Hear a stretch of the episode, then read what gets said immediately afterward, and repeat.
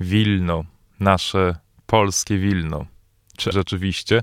Posłuchajcie dzisiejszego odcinka podcastu Glosa. Mowa będzie o książce Opisać Wilno Tomasa Węclowy. Glosa. Podcast o nowych książkach.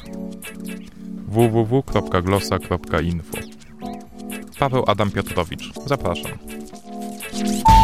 Tomasz Węclowa, litewski poeta, eseista, tłumacz, napisał cudowną książkę o Wilnie, wydaną przez Zeszyty Literackie.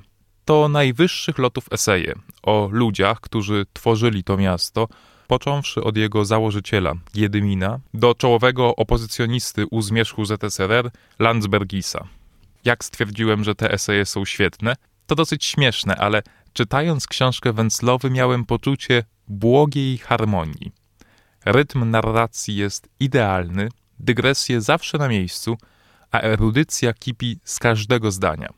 Jak autor opisał litewską stolicę, która przez wieki była przecież stolicą polskich kresów? Oddajmy mu głos, mówi Tomasz Węclowa. Historia kultury Wilna to zupełnie niesamowita rzecz, bo przede wszystkim tych kultur tam jest dużo. Zaczyna się to od Litwinów, od Gedymina, Witolda, Olgierda, ludzi, którzy byli poganami jeszcze i kończy się to głównie na Litwinach, bo Wilno teraz jest stolicą Litwy, jest zamieszkane głównie przez Litwinów. A pomiędzy litewskim początkiem i litewską współczesnością mamy Polaków, Żydów, Białorusinów, Rosjan, ale są też dosyć nieoczekiwane narodowości. Około 10% wybitnych postaci w dziejach Wilna to są Włosy, prawie wszyscy architekci wileńscy. No i napisałem taką historię kultury Wilna, gdzie jest mowa i o architekturze, ale głównie chyba o ludziach wileńskich. Jak wygląda dzisiejsze Wilno?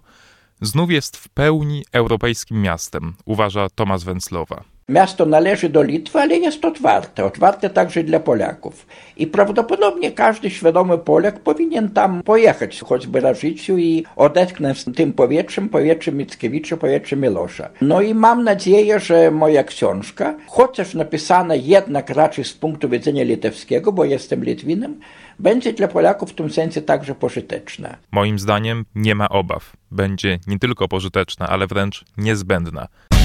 Więcej o książce Opisać Wilno Tomasa Węclowy usłyszycie w podcaście Zeszytów Literackich www.zeszytyliterackie.pl. Tam znajdziecie odnośnik do tego podcastu. W pierwszym odcinku mowa jest właśnie o tej książce. Polecam cały podcast. Jest bardzo dobrze zrobiony i zawiera informacje o książkach wydawanych przez Zeszyty Literackie, jak również o najnowszych numerach tego kwartalnika literackiego.